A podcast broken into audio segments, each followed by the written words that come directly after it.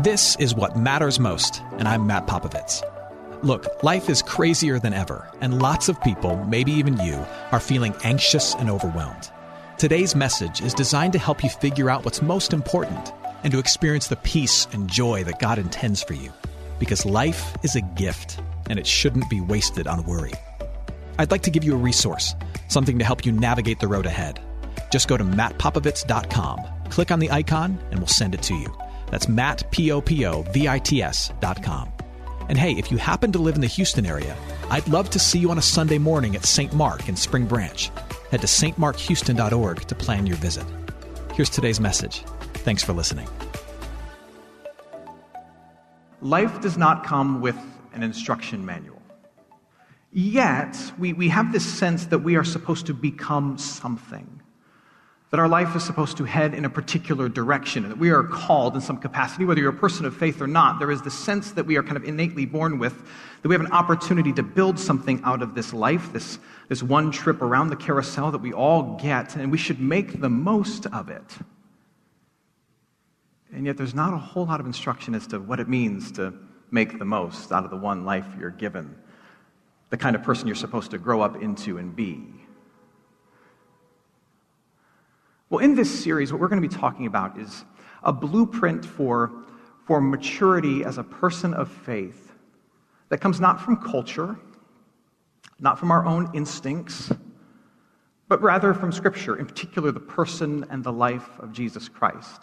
A view of maturity of what it means to be a functional, faithful adult,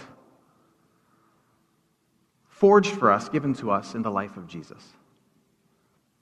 God often speaks of himself as our Father. And you could say that, that, like any good parent, he has a plan for us of who he wants us to become. A picture in mind of, of what it means for us to be successful and faithful. He's the creator, and he has plans for what it means for us to be fruitful and faithful members of his creation. He has a picture for us. So, if you're here as a person of faith, we, we begin in this place that we must discern what God's picture of maturity is and then aim our hearts towards that. And I use that word heart on purpose because one of the first things I want to share with you is that maturing into something ultimately is not a head thing, it is in fact a heart thing. That the person you become, I should probably say the person you are becoming right now, is not a result of what you think, of what you believe, even. It's a result of what you cherish. We ultimately drift towards the things we desire the most. We ultimately become that which we love at the deepest level.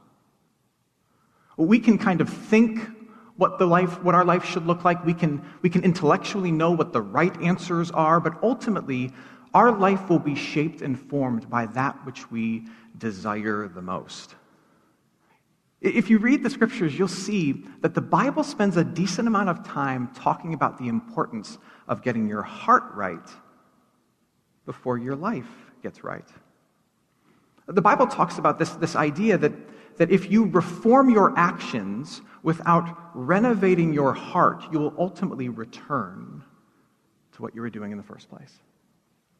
If you reform your actions without renovating your heart, you will return from where you, to where you started. For example, this is why we see these words in Luke chapter 6.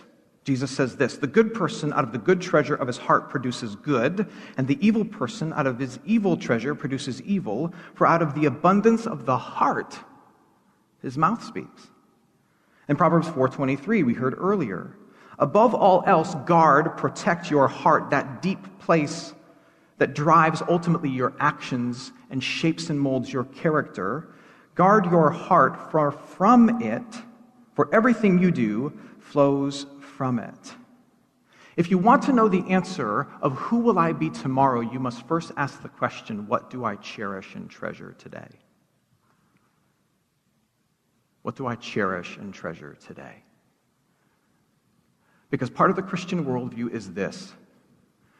You will mature towards that which you love the most, you will drift towards that which you desire, you'll become that which is seated in the deep place of your heart that drives your actions, determines your values, that, that thing that you love the most deep down inside in that hard to define, hard to find place, that is ultimately the driving force behind who you become and who you are and where you are going.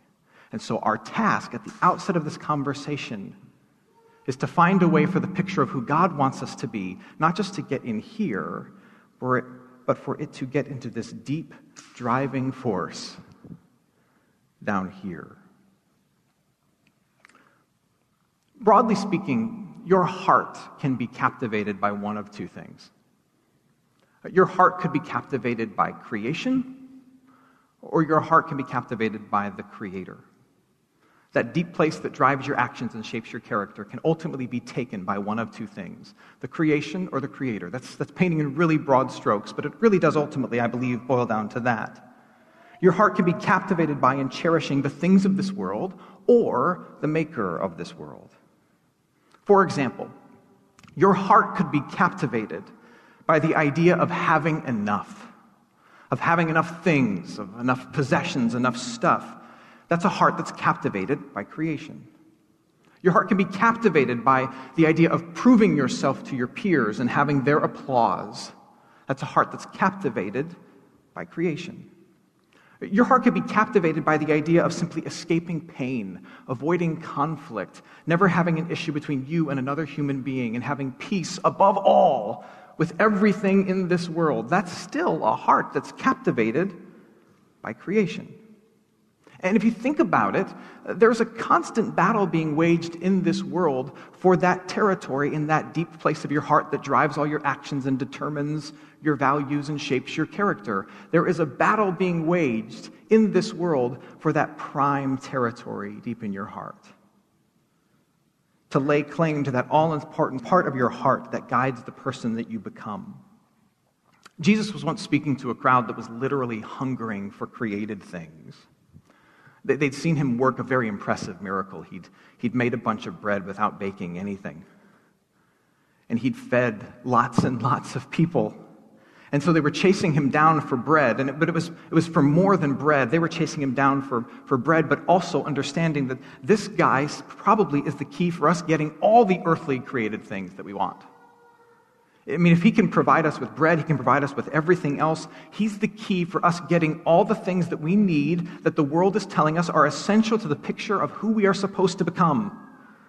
And so Jesus, being chased after for, for bread, he says this in John 6 27. He says to the crowd, Do not work for the food that perishes, but for food that endures to eternal life, which the Son of Man, he's speaking in the third person about himself, which the Son of Man will give to you. For on him, Jesus, God the Father has set his seal.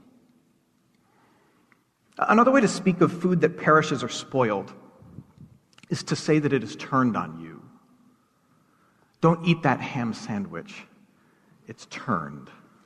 As if the ham sandwich has betrayed you. Don't eat that sandwich. It's, it's turned on you. Don't eat that banana. It's a little too brown. It's turned on you. You see, spoiled food is food that's gone from something good, desirable, something you need, to something you definitely don't want to touch anymore. And so Jesus is making a point. He's making a, a massive metaphor out of the bread, and he's saying, Look, if your heart is captivated by earthly things, eventually it'll reach a ceiling in how much it can satisfy you. You can want it a little too much, you can expect a little too much, and eventually it'll turn on you and it will let you down. It will only last so long or do so much. And if you set at the center of your heart that place that drives your actions and forges your character and ultimately determines who you become because we drift towards that which we desire the most, the picture that's placed down here, if you set in here creation, it will spoil on you. It will turn on you, he says. It'll turn on you in one of two ways. At, at worst, it will prove destructive for you. At, at best, it will disappoint you. So, what is your heart cherishing? Because that ultimately shapes what we mature into where we go and what we become. Now, at this particular point, you, you may be thinking, at least I hope, you may be thinking, okay, I've, I've got it. All right, let me, let me rehash this. We, we mature into that which we love the most, right, Pastor Matt? Yes. Um, that which has captivated my heart in the deepest of places. Um, we grow into that, we drift towards that, we mature towards that. A heart that's captivated by creation, some, some worldly idea of success will ultimately disappoint me. At worst, it can destroy me. Or my heart could be captivated by God, and I could mature into that which brings glory to Him. I can mature into something a little more satisfying, a little more lasting, and I can, because it's connected to my Creator, I can mature into the image that I was actually made for. So now, now the question becomes what exactly is it about God that is supposed to captivate my heart? What actually is it about the one who made me, the creator above me, that I'm supposed to cherish most deeply, that can shape my decisions and guide my life and forge my character and mold my values? Well, Jesus actually answers this question in a very straightforward way. What should be the bread you long for, you chase after? Jesus answers this in a very straightforward way. Here is Jesus' answer. You ready for it? I'm speaking as Jesus at this particular point. Jesus says this Me. And if you don't believe me, now speaking as myself, go back to John chapter 6. The crowd says to Jesus, What must we do to be doing the works of God? In other words, what must we do to have our hearts aimed towards heaven? Jesus said to them, I am the bread of life. I am the thing to long for deeply, to to run after urgently. Whoever comes to me shall not hunger, and who believes in me shall never thirst. In other words, I, I, won't disappoint you. I won't turn on you. I won't spoil you. I won't disappoint you or destroy you if you mature into me. Specifically, you were made, if you're here as a person of faith, you, you were made to cherish the work that Jesus has completed for you and the world, the kingdom that he is bringing for you. The work that Jesus has completed for you is, is earning your entrance into God's family of grace through his effort and not yours. And the world, the kingdom that he's bringing about, is a world when he returns where everything that's still broken here has been banished for good. Everything that's horrible on the news no longer exists. God's plan for you as a mature and functioning faithful adult is for you to be deeply aware and indescribably grateful for the grace that He's given to you. And then hungry for the attributes of the future kingdom that He's promised for you.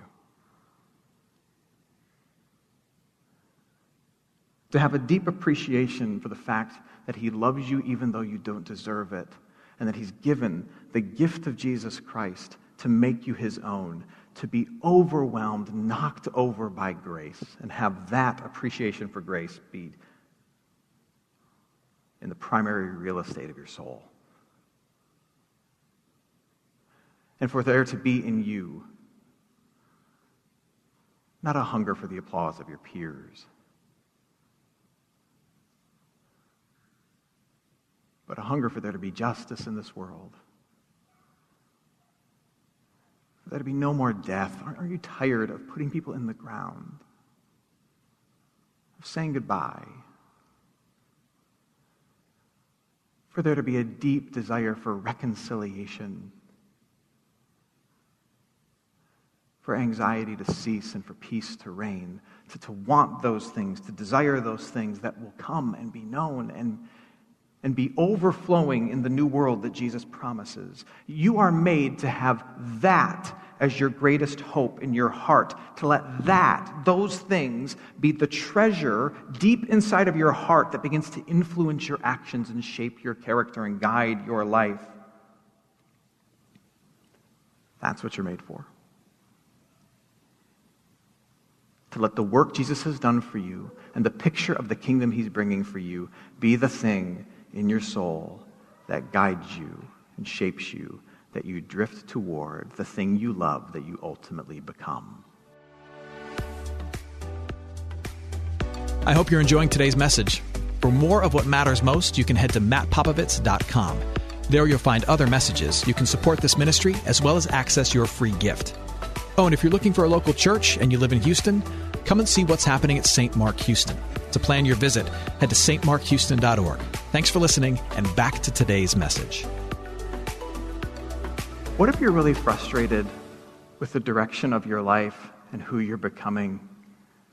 And you're mad at God for it, but what if, and this may not be true for you, but it, it's going to be true for some of you.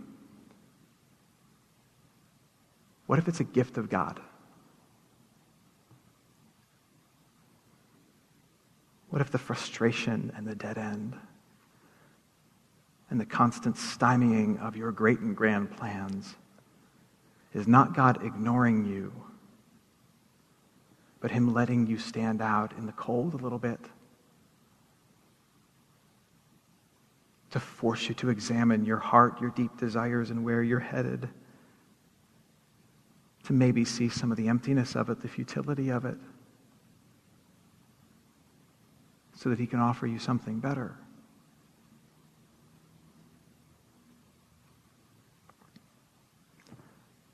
I would argue to you that very often that is the life of a maturing Christian.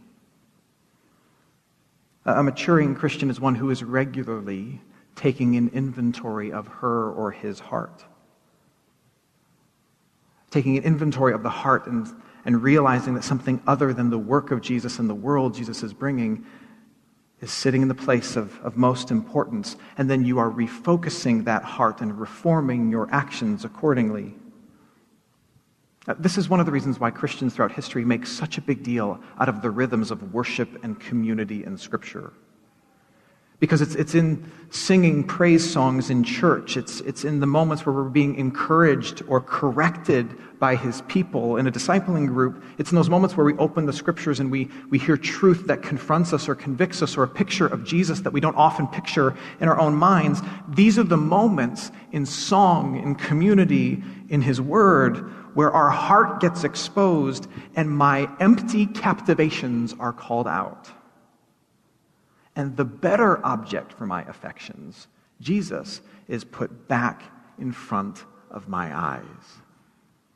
When you come to worship or you live in community or you read his word, what it does is it exposes false hopes and all of the cheap things you cherish, and you confess, Lord, I, you come to this place, you confess, I have been captivated by creation. And what are you going to hear God say every time you confess that? Every time you confess that, you're going to hear him say this I forgive you and I love you. I've heard and I've seen all that you are. I've realized the fact that you don't love me nearly as much as I love you, but I still love you. And receiving God's love in Christ for the real you stirs up and strengthens, rejuvenates, and reprioritizes your love for Him. And then we get up from that moment, and our lives are holding tight to that love. We are cherishing that love, and it influences our actions and shapes our character, and we start to drift toward and become like that love just a little bit. A maturing Christian embraces that rhythm of relentless reprioritization and rediscovery of the love of God in Jesus Christ. We embrace the rhythm.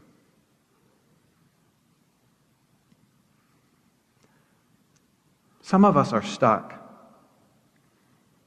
And I don't know why that is for some of you, and I know that I've been in seasons like that myself. I don't know why that is, but maybe it's because you're worried what God will do to you and how he will change you if his cross and his kingdom become, for a moment and in this new season, something that is most cherished by you and held tightly by you. All I can say to you is that it will change you because that's kind of the point. Cherishing the work that Christ has completed and the kingdom that he's coming, the kingdom that is coming, it will forge habits in you that are weird and desires that are countercultural. It will try to make you a person of prayer rather than a person of perpetual doing. It will try to make you a person of peace in the face of relentless political panic that the world says you're supposed to live in. It will change you, but I can also say this it will be worth it. And it will be okay. And here's how I know. I said at the beginning that, that what we love the most shapes what we do. The thing we cherish the most ultimately shapes the values that we have and the, and the life that we live out, the person we become.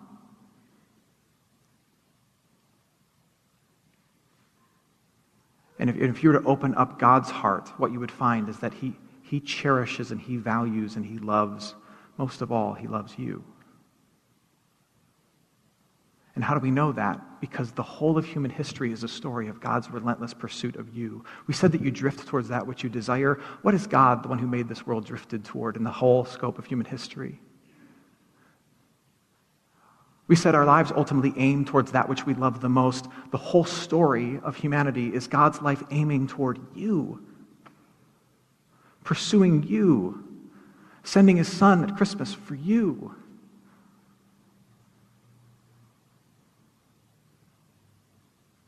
That which God cherishes the most is you. Which then makes it safe, which makes it okay for you to cherish Him too. Will it change you? Yes, that's kind of the point. But will it be good for you? Yes. How do we know? Because He loves you. How do I know He loves me? Look at the relentless pursuit of you through, his, through the work of Jesus Christ.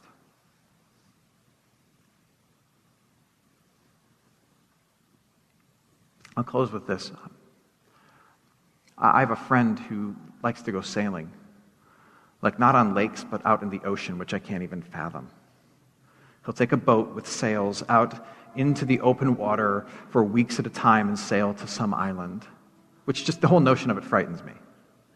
And I, I, asked my friend, How can you do that? Like, how do you know you won't get lost? And he said, Well, you use your GPS, and even at times you use a compass, but even those, sometimes those can fail you. You can't simply rely on those things. And I said, well, well, then what else do you rely on? He said, Well, every once in a while you have to check your compass and your GPS against some other point of reference that you know isn't going anywhere, like a star in the sky or some land out in the distance. And that's how you can know that your GPS is accurate, your compass is tuned in, is by adjusting yourself to something you see off in the distance or up in the sky. And you have to do that on a regular basis, he said, because just one degree off can mean the difference between landing on the island you're aiming for or being lost at sea.